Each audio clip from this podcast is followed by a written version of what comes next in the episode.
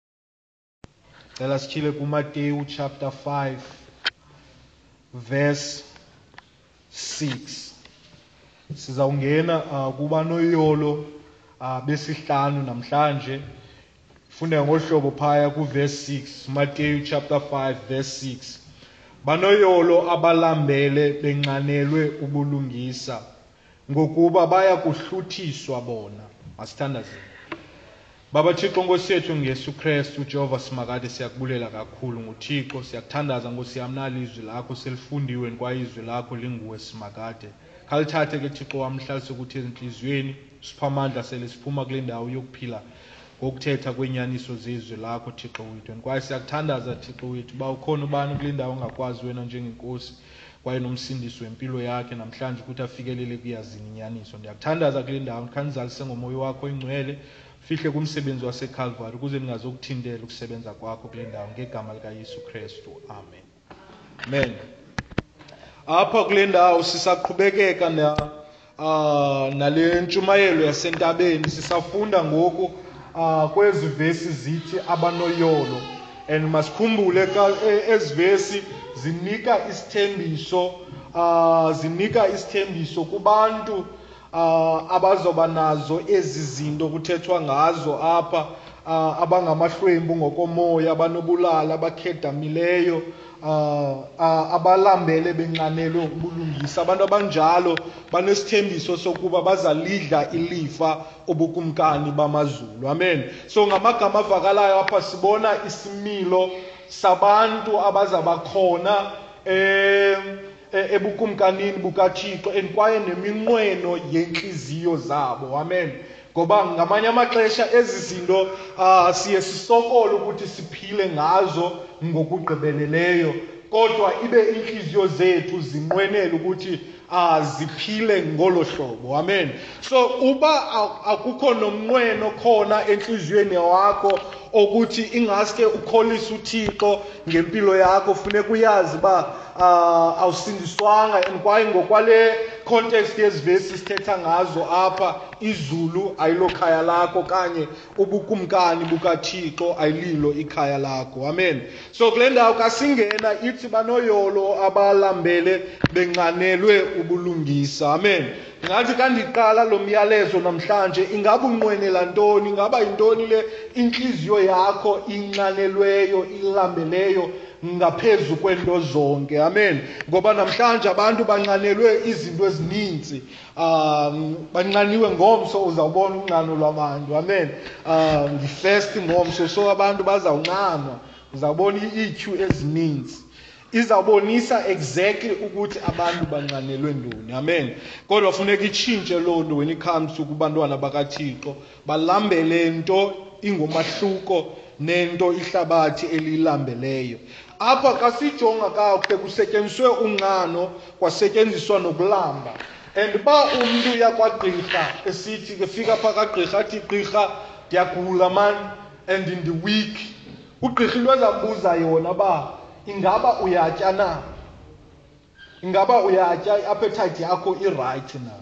and then uba uthi loo nto ah appetite yam ayikho rayithi then ugqirha uyakwazi uqonda uba e lo mfo nyhanyhani uyagula amen um ikhona into erongo ngempilo yakhe so indlela xa si ukulamba kwethu kuye kubonakalalise indlela esilamba ngayo kubonakalalisa ukuba sisempilweni okanye asikho sempilweni amen ingasisempilweni okanye asikho sempilweni so nangokwakamoya ukuba sizawubona ukuthi sisempilweni ngokwakamoya kuzawubonakala ngezinto esizilambelayo ukuba silambele ukulungisa loo nto izawukhombisa ibonise ukuthi lo mntu xa kusizwa ah, ngokwakamoya uphilile lo mntu amen uh, uhealthy when it comes to kwizinto zikamoya kodwa uba sinxanelwe izinto zehlabathi uh, funeke siyazi uba ikhona into erongo ngeempilo zethu mhlambi asiphilanga ngokwakamoya yiyo loo nto sinxanelwa izinto zenyama endaweni yokuthi si, si, uh, sinxanelwe izinto zikamoya amen so bangcwele ukuba sisindisiwe umoya kathixo uhlala kuthi ngaphakathi and kwaye lo moya kathixo uzawusenza silambele izinto ukristu ebezazilambela ngexesha ekhona ezantsi emhlabeni And uba akukho ukuthi silambele ubulungisa akuthi si- sinxanelwe ah, ubulungisa izinto ezilungileyo loo nto ikhona as indicator ukuthi when it comes kwiinto zikamoya ah, asiphilanga kakuhle amen asiphilanga kakuhle masijonge apha le ndawo eh, le le ndawo ithi ba balambele benxanelwe ubulungisa ithetha ukuthi ngamagama omabini apha ukulamba and kwayo nokuncanwa ayongamagama osetyenziswa la ubone kakudlalwa apha ezintwana zincinci zihambe zimane ziyosela amanzi ha-a apha kuthethwa ngomntu ebenohambo olude uhambo apho kwakufumanise uba ngoku udiniwe empilweni yakhe inye qha into ayidingayo ukutya and kwaye namanzi ukuze aphile amen akuthethwa ngomntu nje othi hayi ndiselela amanzi ndisela amanzi ukuze ndibe sempilweni kuthethwa ngomntu apha owaye owayeza kufa ukuba akathanga watya akathanga wasela amen and kwaye bancwele kumele kube njalo nathi ezimpilweni zethu xa kusiza kwizinto zikaThixo sizilambele ngolo hlobo sizibeke uh, sizibeke phezulu ezimpilweni zethu and kwaye apha u uh, uYesu Kristu eziwayethetha le nto aba bantu babeyiqonda exactly ukuthi uthetha ngantoni Ah, ngoba ah, ngeli xesha bebedla ngothatha uhambo entlango ngoba kwangekho zimoto nantoni njalo njalo so abantu bebehamba ngeenyawo babezazi ukuthi xa belambele ah, xa belambile nkwaye banxanyiwe baba njani and kwaye funeke sibe nento enjalo nathi ezingqondweni zethu ukuthi sihlale izinto zikathixo sizilambela ngaphezu kwezinto zomhlaba and kwaye apha uh, okulamba okukulamba kuthethwa ngayo apho umntu ukhalambe alambe qobe endilambile mani noba nobamba izilayi zibe yi-two zesonka ndizabashapu amen but apha ngumntu lo othi ndifuna yonke laa hafu ndizoba rayithi amen and nomntu osinisweyo unjalo akazofuna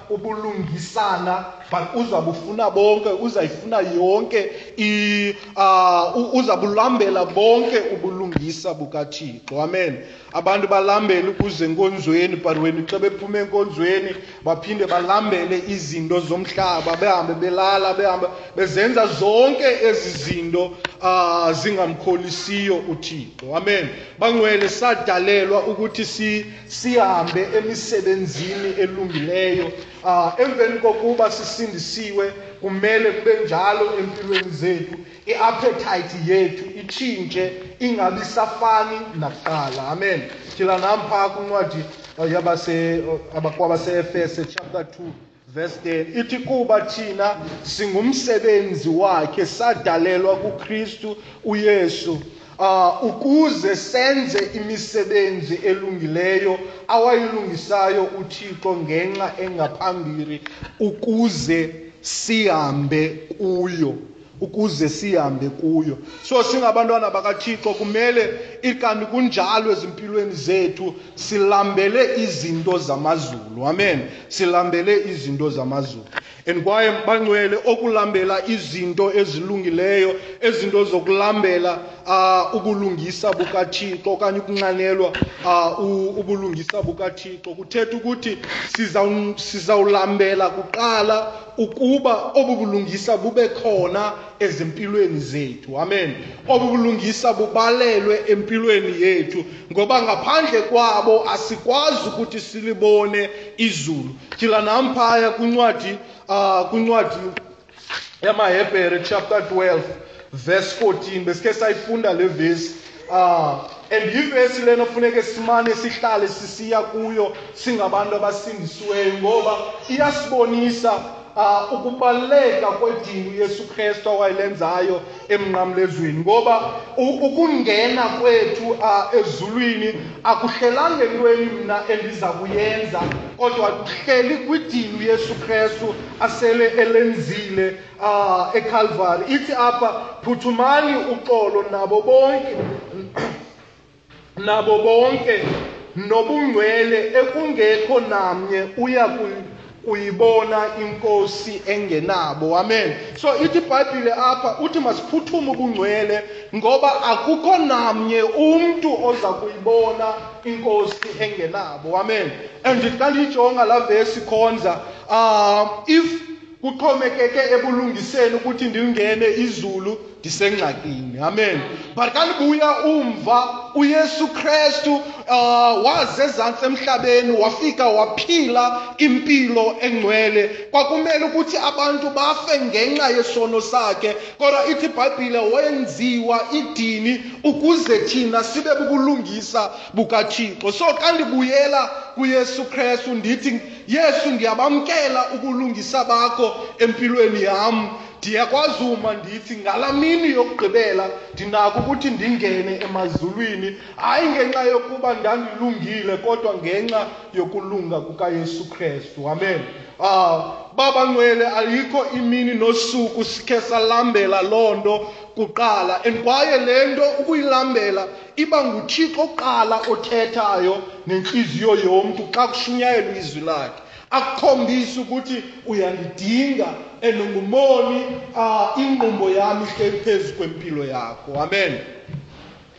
ba awenzanga nto uzayongena uh, esiwogweni kwa uh, if awenzanga nto ngaloo nto uzayongena esiwogweni kumele bangcwele silambele ubulungisa ngaphezu kokuba uh, silambele izinto zomhlaba amen and ndithi xa ndiyijonga le nto yobulungisa bukayesu krestu empilweni yam uh, kube kuvuyo ngoba uh, ayikho into elungileyo empilweni yam ayikho into endiyenzileyo kule vekpheleyo ibi-good enough ukuba indenze ndingene ezulwini and no doubt ayikho into endizawuyenza kule veki ndingena kuyo um ezawuba enough kokuba athi uthixo obu bulungisa ubenzileyo kule vesi ah, kule veki obu bungcwele ubenzileyo kule veki buzawubangela ukuthi ungene ezulwini but kutheni um sizawungena ngenxa yantoni obulungisa bukayesu krestu khona empilweni zethu ithi ibhayibhile sonile sonke sasilelela eluzukweni lukathixo amen sasilelela eluzukweni lukathixo tyhila nam apha kwincwadi um incwadi yabaseroma incwadi yabaseroma chapter 4 verse 25 incwadi yabaseroma chapter 4 verse 25 this is a beautiful verse ithi owanikelwa ngenxa yeziphoso zethu waza wabuya wavuswa ngenxa yokugwetyelwa kwethu amen ithi lo yesu kristu wanikelwa ngenxa yezono zethu elagama iziphoso phaya ithi wabuya wavuka ngenxa yokugwetyelwa kwethu ukuze zesikwazi ukubalelwa ukuthi singamalungisa phambi kobuso bukaThixo ithe ithi iBhayibhile kayithetha kakuhle ngenye imini uThixo uzasimisa phambi kukaThixo singenakubekwa chaphaza singenakubekwa bala amen insindiso yethu loyo kukuphakama kwayo into uThixo awasenzela yona amen bangcwele ngaphandle kokuthi siyiqonde loo nto funeke siyazi uh, izulu ayiliphi ikhaya lethu funeke siziqonde ukuthi apha kuthi uh, ukuza kwethu enkonzweni ubhaptizo lwethu zonke ezi zinto sizenzayo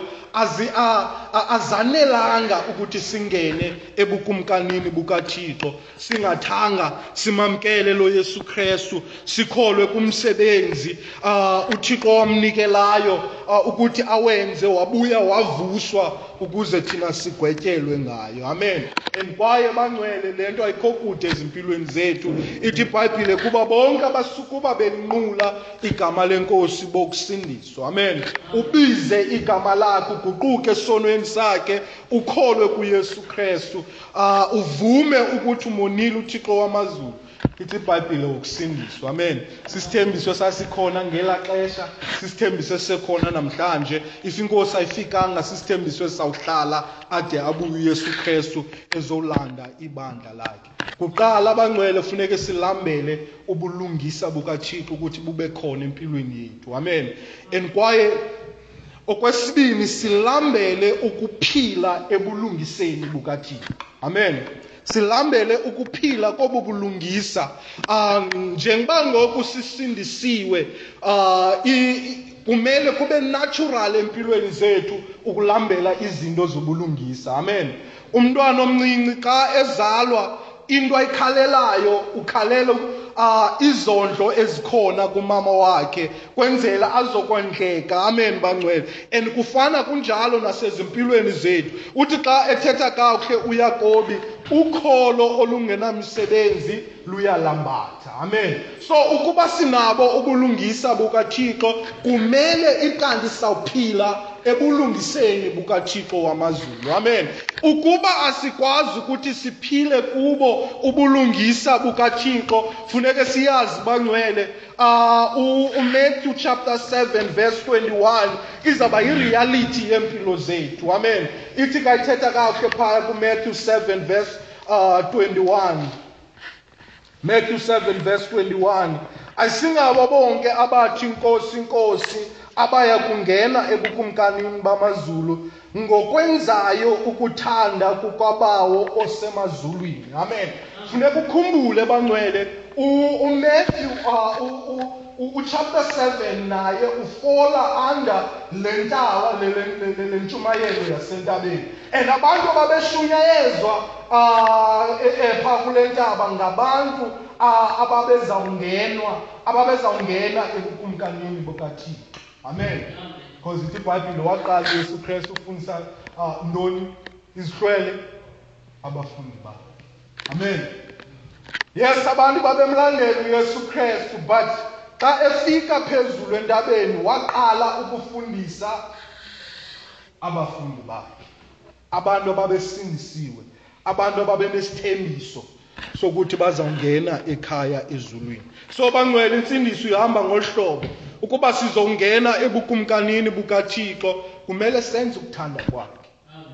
singatsho basisindisiwe ah sethu sithi hayi ndasindiswa ndasindiswa phaa koabo kanye ndasindiswa ngokulaa ndawo sasikhonzela kuyo phaa kanye ndasindiswa apha enew life kodwa ukuba akuwenzi ukuthanda kukathixo funeka uyazi uba ikhona into engalunganga ngosindiso lwakho amen awulambelanga if awuzilambeli izinto zikathixo funeka uyazi uba ikhona into engalunganga elusindisweni lakho njengalaa mntu oya kugqirha abuzwe ingaba uyatya na uyalamba na athi laa mntu hayi andiyityi dokotela athi ugqirha usekhona ingxaki ethile funeke sizame appetite yakho ibuye emveni koko uzokwazi uba ufumane amandla amen and kuzawuba njalo nasempilweni zabantu bakathixo kumele kanti singabantu abalambele ubulungisa bukathixo ukuba sinayo laa hanga sinalo elaa phango lezinto zikathixo funeke siyazi bangcwele asinswanga noba umfundisi umakwathi usinsile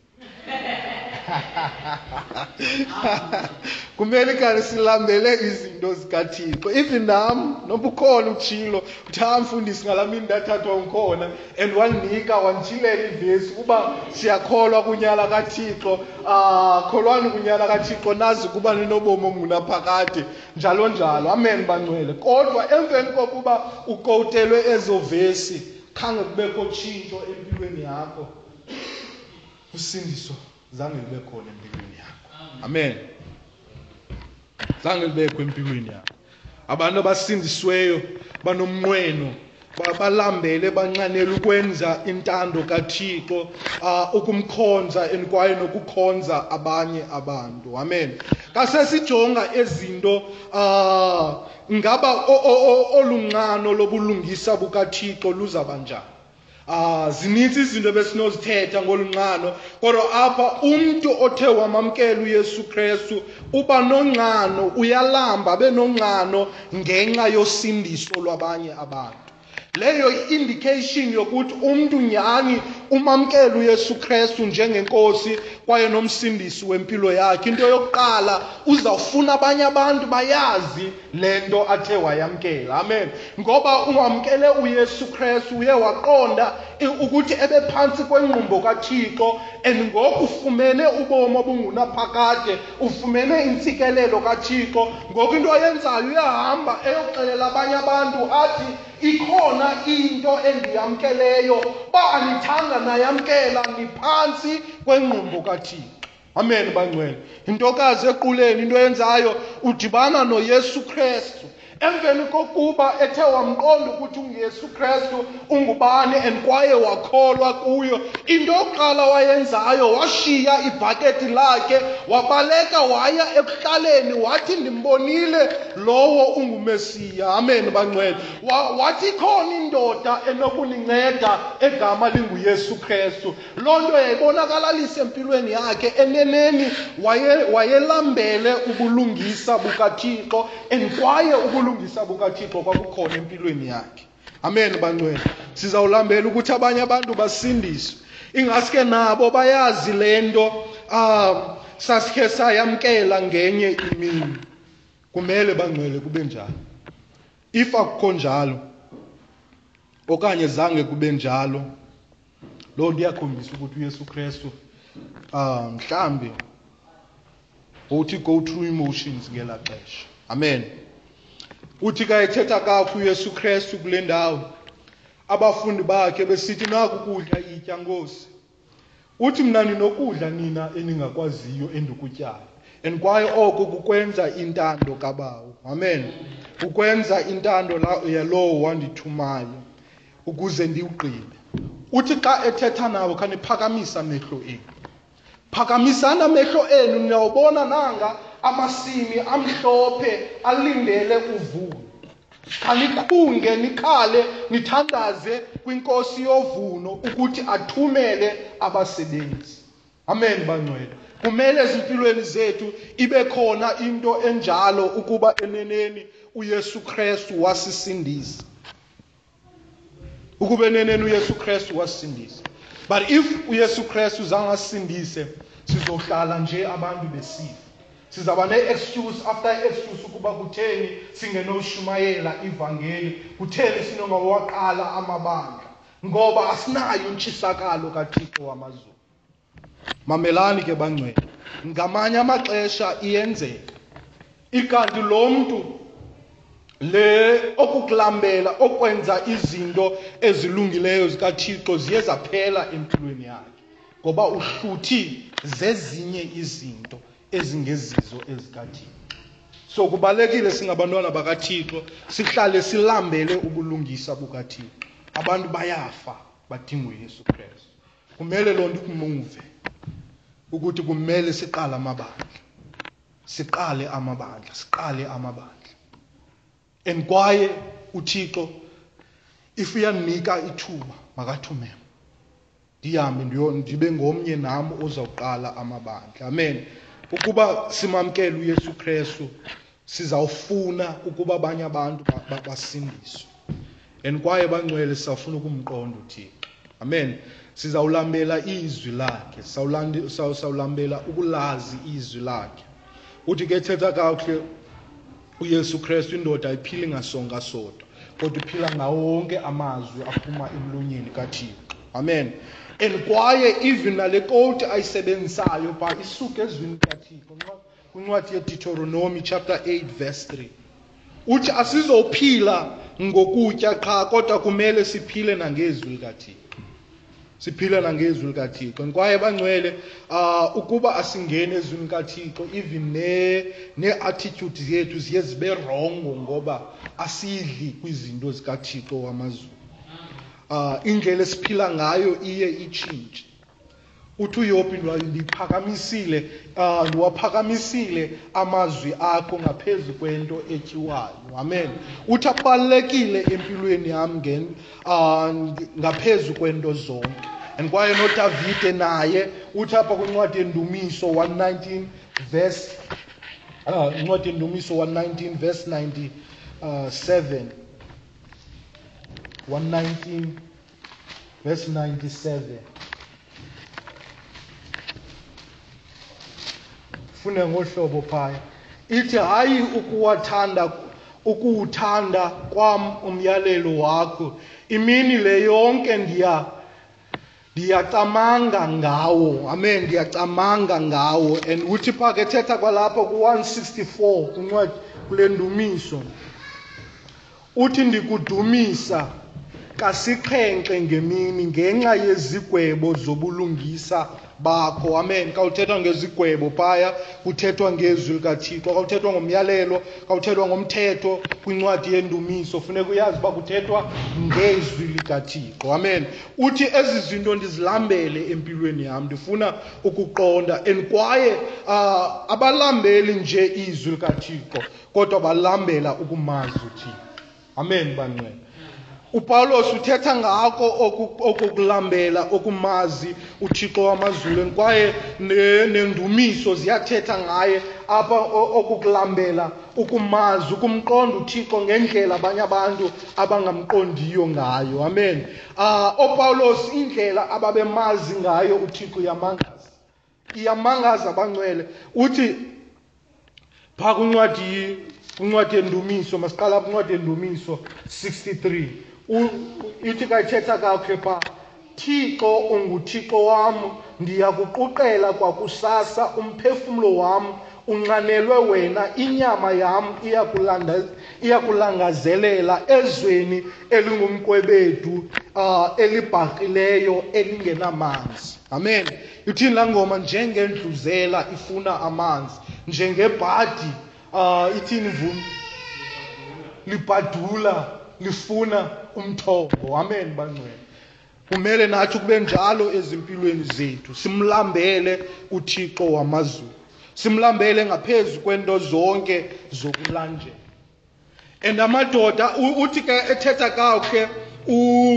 umoses uthi thixo khandibonise ubuqaqawuli bakho ndibonise ubuqaqawuli bakho wayenganelanga nje ukuthi afunde azive le miyalelo kathixo kodwa uthi thixo khandibonise ubuqaqawuli bakho and kwaye bangcwele kufuneke nathi kubenjalo sithandaze sithi thixo khasibonise ubuhle bakho phakathi kwazo zonke ezi zinto kasenze siqonde ngendlela ofuna siqonde ngayo and sikwazi ngendlela ofuna sikwazi ngayo amen bangcwele kumele sibe ngabantu abanjalo and kwaye nopawulos xa siya phaa kwincwadi abasefilipi chapter 3 incwadi abasefilipi chapter 3 phaya ulangazelela ukumazi uh, uthixo wamazulu ingaske ibe ngumnqweno wentliziyo zethu ngoba xa sigcwele nguthixo ezinye izinto azinako ukuthi zizalise zizalise iintliziyo zethu uthi phaya kwivesi 8 uthi ewe okunene ndisuka izinto zonke ndizibalele ekuthini ziyinqwaleko ngenxa yokongama kokumazi uh, ukristu yesu inkosi yam endathi ngenxa yakhe ndonakalelwa zezo zinto zonke ndizibalela ekuthini ziyinkunkuma ukuze ndimzuze uKristu ndifunyanwe ndikuye ndingenabo ubulungisa uh, ubulungisa obo basemthethweni ninabo bongokokholo kuKristu ubulungisa ke obuphuma kuThixo ngalo ukholo ukuze ndimazi ngokwamandla ovuko lwakhe um Nakuba ndibe nobudlelwane naye ngeentlungu zakhe, ndifaniswe noko kufa kwakhe. Amen. Yenye ilevel lena bancwele yokholo. Ah, ayo level nje owazi uba uMateyu undawoni ebhayibhileni yakho. Uthi apha ndifuna ukuwava amandla ovuko kaYesu Kristu empilweni yam and kwaye ndifuna ukuba ndabelane naye ngeentlungu zakhe amen bangcwele uh, ezinye izinto asoziqonda singade singekade safakwa entilongweni ngenxa yevangeli singade singekade sava ubunzima sabethwa ngenxa yevangeli amen bangcwele okanye sisokole silahlekelwe zizinto ezininzi uh, abantu banga-understandi khonza uba kutheni lo mfo e, e, esakhonza kunje empilweni yakhe kumele kanti kudala wayeka uh, wahamba waya samwe ngoba le nto kathixo ayimlungeli amen bangcwele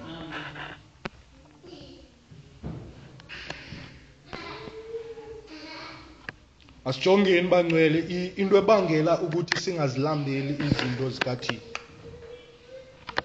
into ebangela ukuthi singazilambeli into zikathixo enye ndizayigqibezela kule veki zayo into ebangela ukuthi singazilambeli izinto zikathixo mhlawumbi asizwa amen bancane into okwenza ungabi excited ngezinto zensindiso maybe awusindiswanga amen bancane ngoba ukuba usindisiwe uzazilambela izinto zikathixo and kwaye ukuba awunazo izinto awuzilambelanga awuzinxanelwanga izinto zikamoya ithetha ukuthi loo nto idayethi yakho ayilunganga amen bangcwele Ah, uthi kayithetha kakuhle ndize ndiyayithanda uthetha loo nto apha endlini eneneni andinxanyelwanga drink ndinxanyelwe amanzi amen bangcwele but ndiye ndifune usela into engeyiyo endaweni ndisele into eyiyo amen xa ndisele laa drink andisawalambelanga amanzi andisawanxanelwanga amanzi and kwaye nabantwana bakathixo kuba njalo xa bethe ba ba bahlala besidla izinto belambele izinto zehlabathi ezimpilweni zabo abasazilambeli into zikathixo amen and kwaye nokuxakeka abangcwele amen sizixakekele izinto zikathixo abantu bayasixakekela iinto zikathixo sibe bhizi kumsebenzi kathixo khonza but singabi bhizi ngothixo sixakeke zinto zakhe uvuke kusasa uye enkonzweni yolungisa wenza yonke into kodwa awuxakekanga nguthixo xakeke nje ngezinto zikathixo umariya nomarta umarta yena uyalungiselela ukuze abantu badle uxakekile umariya uhleliphi ezinyaweni zikayesu kristu uthi uyesu kristu ukhethe eyona nto ilungileyo umariya amen bangcwele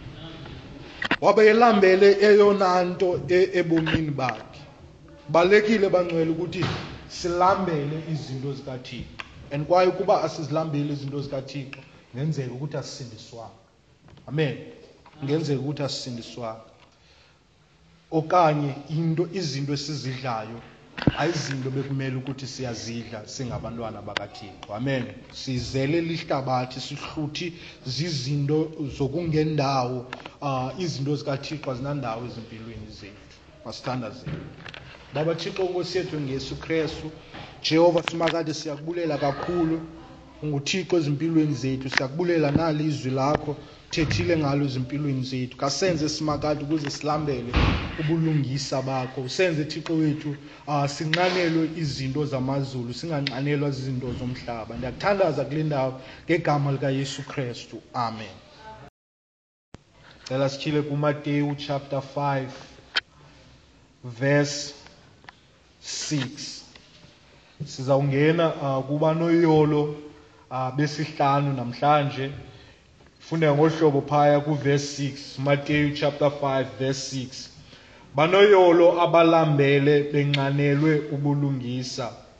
ngokuba baya kuhluthiswa bona masithandazeni baba thixo nkosi yethu ngesu kristu ujehova simakade siyakubulela kakhulu nguthixo siyakuthandaza nkosi yam nalizwi lakho selifundiwe kwaye izwi lakho linguwe simakade khalithathe ke thixo wam lihlalise kuthi ezintliziyweni sipha amandla sele siphuma kule ndawo yokuphila ngokuthetha kweenyaniso zezwi lakho thixo wethu and kwaye siyakuthandaza thixo wethu uba ukhona ubani kule ndawo ongakwazi wena njengenkosi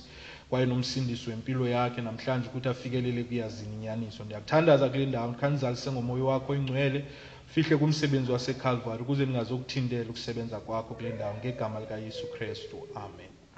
Amen. Apha kule ndawo sisaqhubekeka na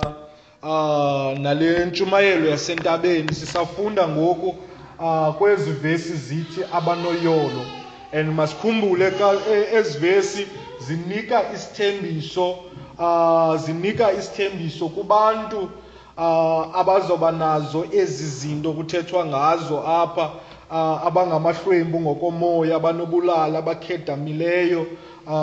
uh, abalambele benxanelwe ubulungisa abantu abanjalo banesithembiso sokuba bazalidla ilifa ubukumkani bamazulu amen so ngamagama avakalayo apha sibona isimilo sabantu abazabakhona um e, ebukumkanini bukathixo and kwaye neminqweno yentliziyo zabo amen ngoba ngamanye amaxesha ezi zinto uh, siye sisokole ukuthi siphile ngazo ngokugqibeleleyo kodwa ibe iintliziyo zethu zinqwenele ukuthi uh, ziphile ngolo hlobo amen so uba akukho nomnqweno khona entliziyweni yakho okuthi ingaske ukholise uthixo ngempilo yakho funeka uyazi uba uh, awusindiswanga and kwaye ngokwale context yezivesi sithetha ngazo apha izulu ayilokhaya lakho kanye ubukumkani bukathixo ayililo ikhaya lakho amen so kule ndawo kasingena ithi banoyolo abalambele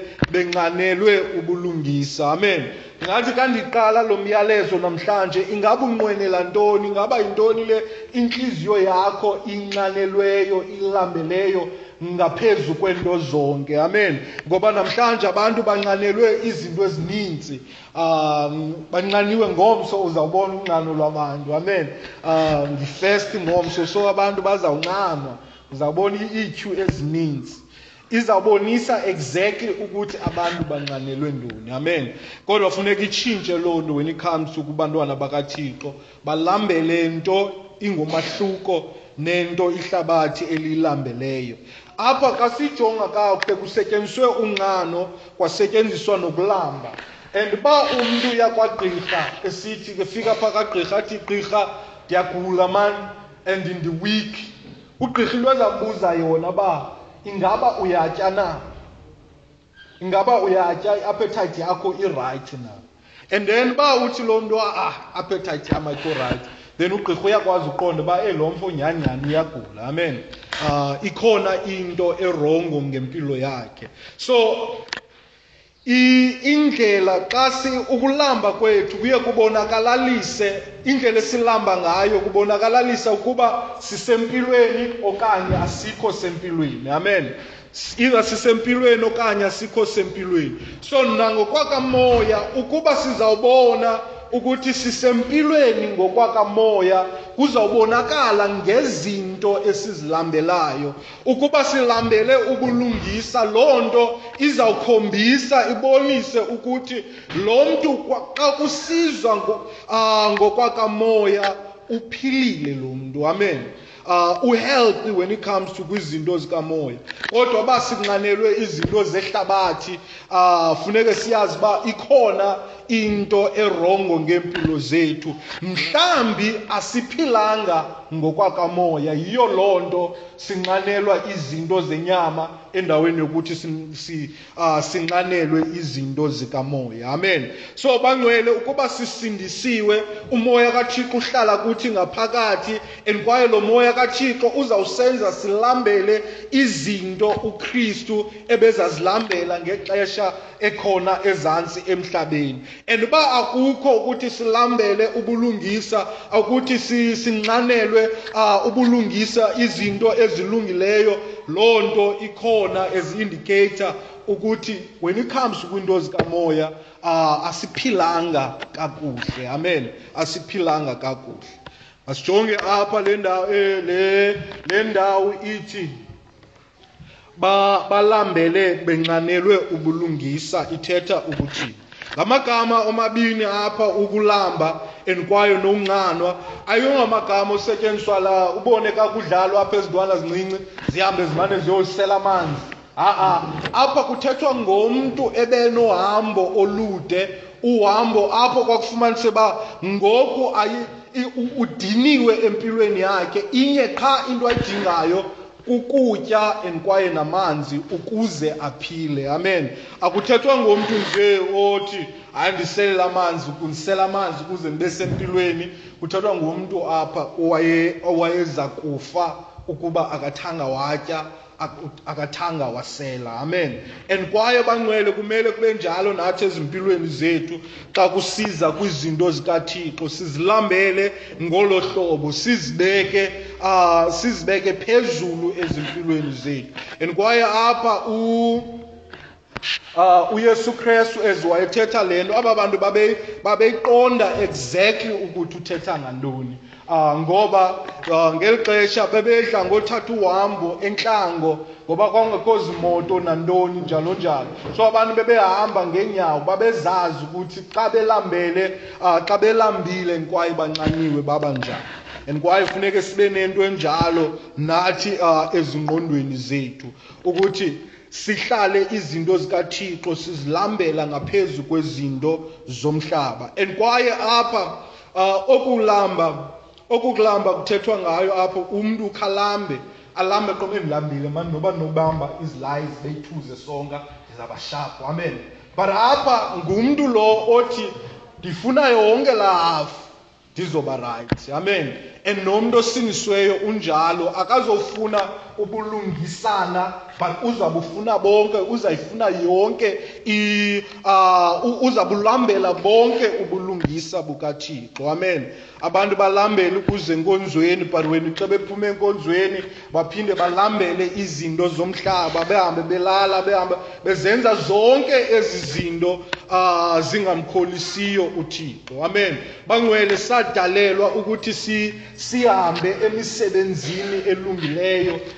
Uh, emveni kokuba sisindisiwe kumele kube njalo empilweni zethu iappetite yethu itshintshe ingabi safani nakuqala amen thila nam phaa kwincwadi uh,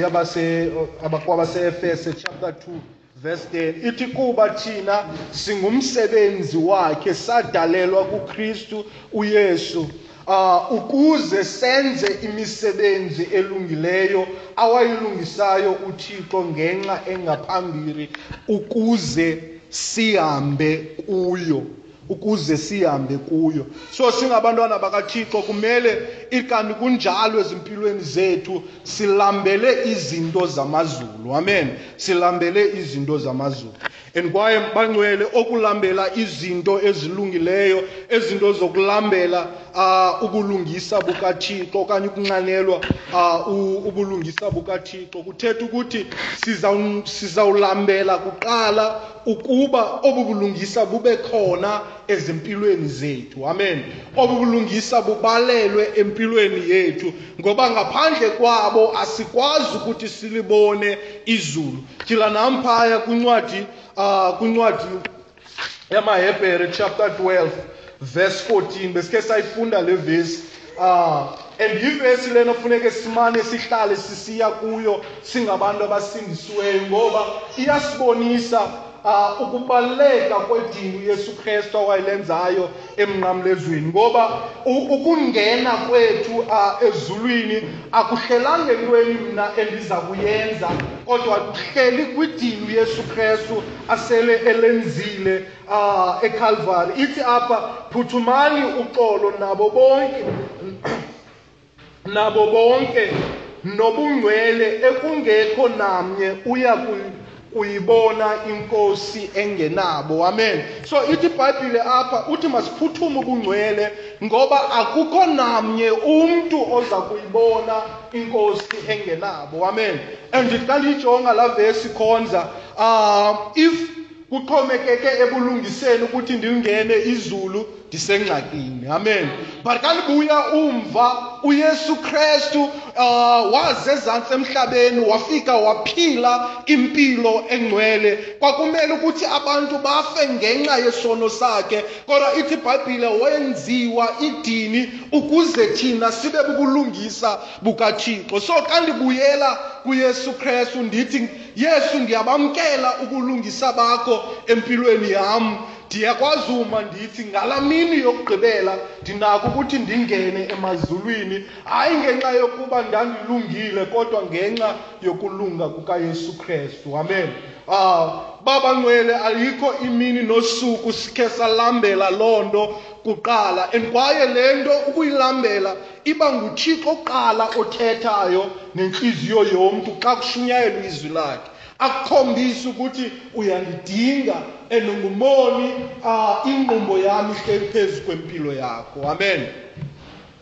ba awenzanga nto uzayongena uh, esiwogweni kwa uh, if awenzanga nto ngaloo nto uzayongena esiwogweni kumele bangcwele silambele ubulungisa ngaphezu kokuba uh, silambele izinto zomhlaba amen and ndithi xa ndiyijonga le nto yobulungisa bukayesu krestu empilweni yam uh, kube kuvuyo ngoba uh, ayikho into elungileyo empilweni yam ayikho into endiyenzileyo kule veki pheleyo ibe good enough ukuba indenze ndingene ezulwini and no doubt ayikho into endizawuyenza kule veki ndingena kuyo um ezawuba enough kokuba athi uthixo obu kulungisa ubenzileyo kule vesi ah, kule veki obu kungcwele ubenzileyo kule veki buzawubangela ukuthi ungene ezulwini but kutheni um sizawungena ngenxa yantoni obulungisa bukayesu krestu ukhona empilweni zethu ithi ibhayibhile sonile sonke sasilelela eluzukweni lukathixo amen sasilelela eluzukweni lukathixo tyhila nam apha kwincwadi um incwadi yabaseroma incwadi yabaseroma chapter 4 verse 25 incwadi yabaseroma chapter 4 verse 25 this is a beautiful verse ithi owanikelwa ngenxa yeziphoso zethu waza wabuya wavuswa ngenxa yokugwetyelwa kwethu amen ithi lo yesu kristu wanikelwa ngenxa yezono zethu elagama iziphoso phaya ithi wabuya wavuka ngenxa yokugwetyelwa kwethu ukuze zesikwazi ukubalelwa ukuthi singamalungisa phambi kobuso bukaThixo ide ithi ibhayibhile kayithetha kakuhle ngenye imini uThixo uzasimisa phambi kukaThixo singenakubekwa qhaphaza singenakubekwa bala amen insindiso yethu loyo kukuphakama kwayo into uThixo awasenzela yona amen bangcwele ngaphandle kokuthi siyiqonde loo nto funeke siyazi um izulu ayiliphi ikhaya liphi funeke siziqonde ukuthi apha kuthi uh, ukuza kwethu enkonzweni ubhaptizo lwethu zonke ezi zinto sizenzayo azi, uh, azanelanga ukuthi singene ebukumkanini bukathixo singathanga simamkele lo Yesu Kristu sikholwe kumsebenzi uh, uThixo wamnikelayo uh, ukuthi awenze wabuya wavuswa ukuze thina sigwetyelwe ngayo amen and kwaye bangcwele le nto ayikho kude ezimpilweni zethu ithi ibhayibhile kuba bonke abasukuba benqula igama lenkosi bokusindiswa amen ubize igama lakhe uguquke esonweni sakhe ukholwe kuyesu kristu Uh, uvume ukuthi umonile uthixo wamazulu ithi ibhayibhile wokusindiswa amen sisithembiso sasikhona ngela xesha sisithembiso esisekhona namhlanje if inkosi ayifikanga sisithembiso esizawuhlala ade abuye uyesu kristu ezolanda ibandla lakhe kuqala abangcwele funeke silambele ubulungisa bukathixo ukuthi bube khona empilweni yethu amen and kwaye Okwesibini silambele ukuphila ebulungiseni bukaThixo. Amen. Silambele ukuphila kobu bulungisa ah, njengoba ngoku sisindisiwe ah,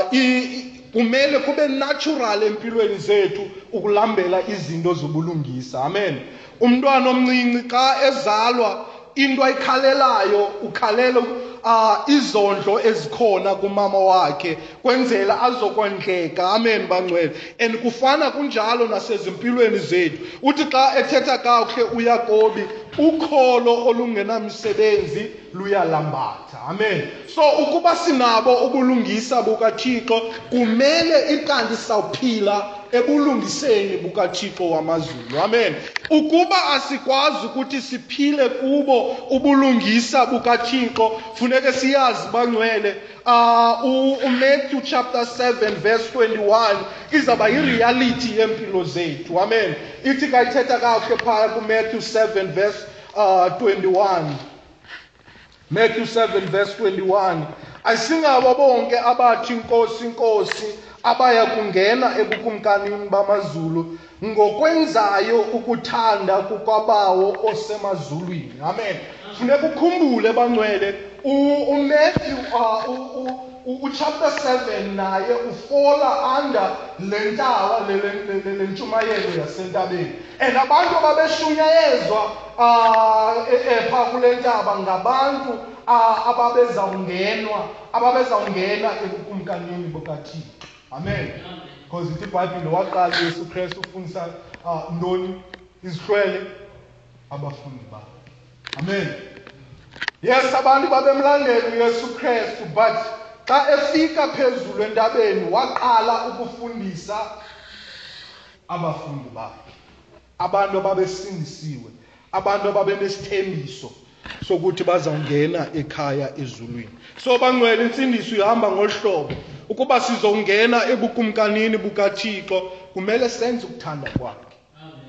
Singatsho uba sisindisiwe ah sethu sithi hayi ndasindiswa ndasindiswa phaa koabo okanye ndasindiswa ngoku kulaa ndawo sasikhonzela kuyo phaa okanye ndasindiswa apha enew life kodwa ukuba akuwenzi ukuthanda kukathixo funeka uyazi uba ikhona into engalunganga ngosindiso lwakho amen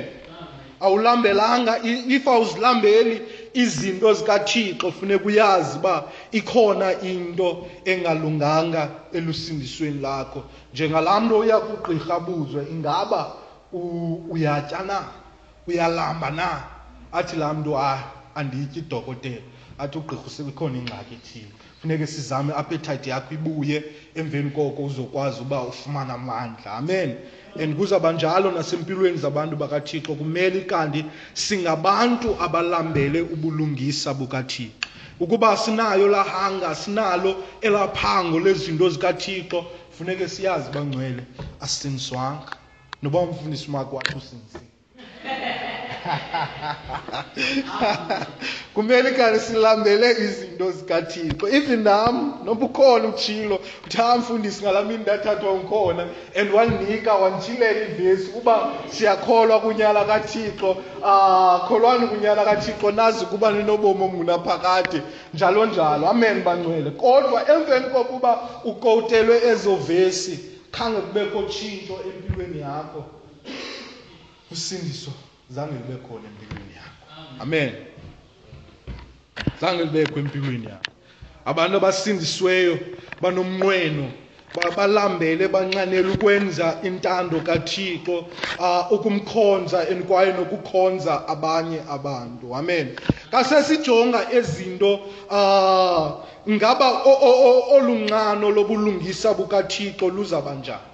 Ah zininzi izinto besinozithetha ngolunxano kodwa apha umuntu othe wamamkela uYesu Kristu uba nonxano uyalamba benonxano ngenxa yosindiso lwabanye abantu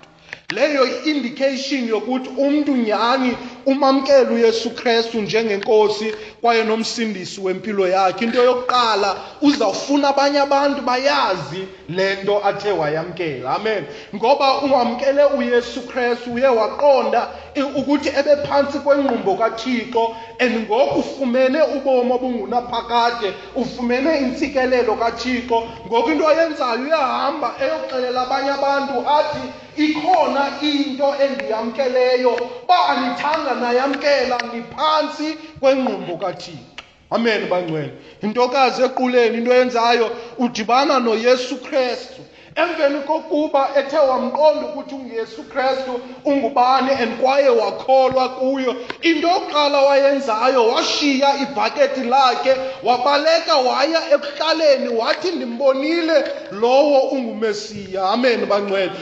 wathi khona indoda enokuninceda egama linguyesu kristu loo nto yayibonakalalisa empilweni yakhe eneneni waye wayelambele ubulungisa bukathixo and kwaye ubulungisa bukathixo kwakukhona empilweni yakhe amen bangcwele sizawulambela ukuthi abanye abantu basindiswe ingaske nabo bayazi le nto um sasikhe sayamkela ngenye imini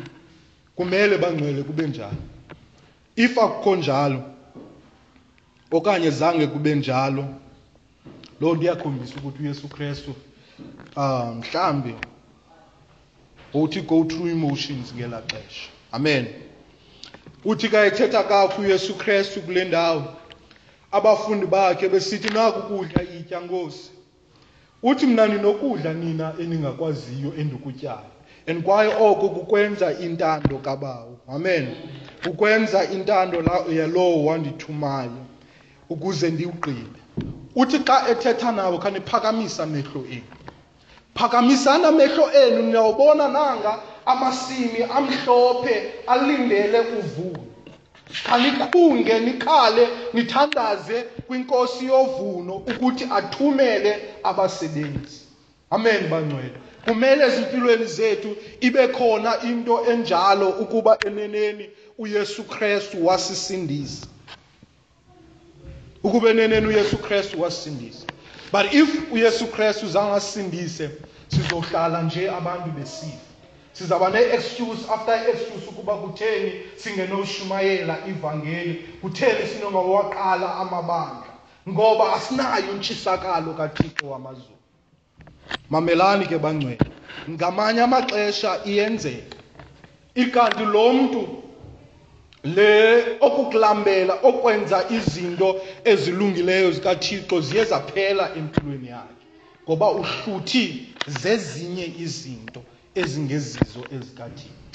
so kubalekile singabantwana bakathixo sihlale silambele ubulungisa bukathixo abantu bayafa badinga uyesu krestu kumele loo nto ikumuve ukuthi kumele siqale amabandla siqale amabandla siqale amabandla and kwaye uthixo if uyandinika ithuba makathumele ndihambe ndibe ngomnye nam ozawuqala amabandla amen ukuba simamkele uyesu krestu sizawufuna ukuba abanye abantu basindiswe and kwaye bangcwele sizawufuna ukumqonda uthixo amen sizawulambela izwi lakhe sawulambela ukulazi izwi lakhe uthi ke thetha kakuhle uyesu kristu indoda ayiphili ngasonga sodwa kodwa iphila ngawo wonke amazwi aphuma emlonyeni kathixo amen and kwaye even nale koti ayisebenzisayo uba isuke ezwini kathixo kwincwadi yeditoronomi chapter 8 verse 3 uthi asizophila ngokutya qha kodwa kumele siphile nangezwi likathixo siphila nangezwi likathixo kwaye bangcwele um ukuba asingeni ezwini likathixo even nee-attitude ne zethu ziye zibe rongo ngoba asidli kwizinto zikathixo wamazulu um indlela esiphila ngayo iye itshintshe uthi uyopi ndiphakamisile uh, ndiwaphakamisile amazwi akho ngaphezu kwento etyiwayo amen uthi akubalulekile empilweni yam ngen uh, ngaphezu kwento zonke and kwaye nodavide naye uthi apha kwincwadi yendumiso 119 verse uh, incwadi yendumiso 119 verse 97 119 Verse 97. Fune ngohlobo phaya. Ithi hayi ukuwathanda ukuwuthanda kwam umyalelo wakho imini le yonke ndiya ndiyacamanga ngawo amen ndiyacamanga ngawo and uthi pha ke thetha kwalapho ku-164 kuncwadi kule ndumiso Uthi ndikudumisa kasixhenxe ngemini ngenxa yezigwebo zobulungisa bakho amen kawuthethwa ngezigwebo phaya kuthethwa ngezwi likathixo kawuthethwa ngomyalelo kawuthethwa ngomthetho kwincwadi yendumiso funeka uyazi uba kuthethwa ngezwi likathixo amen uthi ezi zinto ndizilambele empilweni yam ndifuna ukuqonda and kwaye uh, abalambeli nje izwi likathixo kodwa balambela ukumazi uthixo amen banqwela upawulos uthetha ngako okokulambela okumazi uthixo wamazulwini kwaye nendumiso ziyathetha ngaye apha okokulambela ukumazi ukumqonda uthixo ngendlela abanye abantu abangamqondiyo ngayo amen um ah, opawulos indlela ababemazi ngayo uthixo yamangazi iyamangaza abangcwele uthi phaa kwincwadi kwincwadi yendumiso masiqala kwincwadi yendumiso 63 ithi kayithetha kakhe phaa thixo unguthixo wam ndiyakuquqela kwakusasa umphefumlo wam unxanelwe wena inyama yam iyakulangazelela ezweni elingumkwebedu um elibhaqileyo elingenamanzi amen ithini laa ngoma njengendluzela ifuna amanzi njengebhadi um ithini mvumi libhadula lifuna umthombo amen bangcwele kumele nathi kube njalo ezimpilweni zethu simlambele uthixo wamazulu simlambele ngaphezu kwento zonke zokulandela and amadoda uthi ke ethetha kakuhle umoses uthi thixo khandibonise ubuqaqawuli bakho ndibonise ubuqaqawuli bakho wayenganelanga nje ukuthi afunde azive le miyalelo kathixo kodwa uthi thixo khandibonise ubuqaqawuli bakho and kwaye bangcwele kufuneke nathi kubenjalo sithandaze sithi thixo khasibonise ubuhle bakho phakathi kwazo zonke ezi zinto kasenze siqonde ngendlela ofuna siqonde ngayo and sikwazi ngendlela ofuna sikwazi ngayo amen bangcwele kumele sibe ngabantu abanjalo and kwaye nopawulos xa siya phaa kwincwadi abasefilipi chapter 3 incwadi abasefilipi chapter 3 phaya ulangazelela ukumazi uh, uthixo wamazulu ingaske ibe ngumnqweno wentliziyo zethu ngoba xa sigcwele nguthixo ezinye izinto azinako ukuthi zizalise zizalise iintliziyo zethu uthi phaya kwivesi 8 uthi ewe okunene ndisuka izinto zonke ndizibalele ekuthini ziyinqwaleko ngenxa yokongama kokumazi uh, ukristu yesu inkosi yam endathi ngenxa yakhe ndonakalelwa zezo zinto zonke ndizibalela ekuthini ziyinkunkuma ukuze ndimzuze uKristu ndifunyanwe ndikuye ndingenabo ubulungisa uh, ubulungisa obo basemthethweni ninabo bongokokholo kuKristu ubulungisa ke obuphuma kuThixo ngalo ukholo ukuze ndimazi ngokwamandla ovuko lwakhe um Nokuba ndibe nobudlelwane naye ngeentlungu zakhe, ndifaniswe noko kufa kwakhe. Amen. Yenye ilevel lena bangcwele yokholo. Ah, ayo level nje owazi uba uMateyu undawoni eBhayibhileni yakho. Uthi apha ndifuna ukuwava amandla ovuko kaYesu Kristu empilweni yam and kwaye ndifuna ukuba ndabelane naye ngeentlungu zakhe amen bangcwele uh, ezinye izinto asoziqonda singade singekade safakwa entilongweni ngenxa yevangeli singade singekade sa, sava ubunzima sabethwa ngenxa yevangeli amen bangcwele okanye sisokole silahlekelwe zizinto ezininzi uh, abantu banga-understandi khonza uba kutheni lo mfo e, e, esakhonza kunje empilweni yakhe kumele kanti kudala wayeka uh, wahamba waya samwe ngoba le nto kathixo ayimlungeli amen bancwela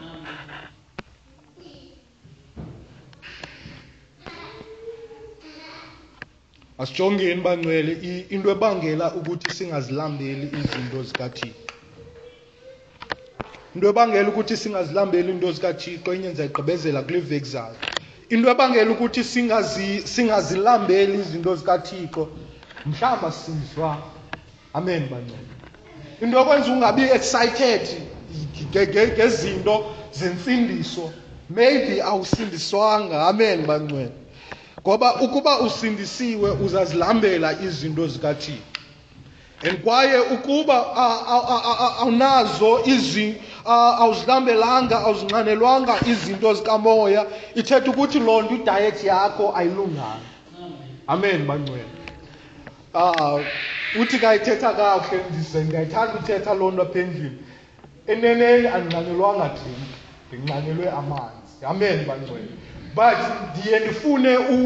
usela into engeyiyo endaweni ndisele into eyiyo amen xa ndisele lajinga ndisawalambelanga amanzi andisawanxanelwanga amanzi and kwaye nabantwana bakathixo kuba njalo xa bethe ba ba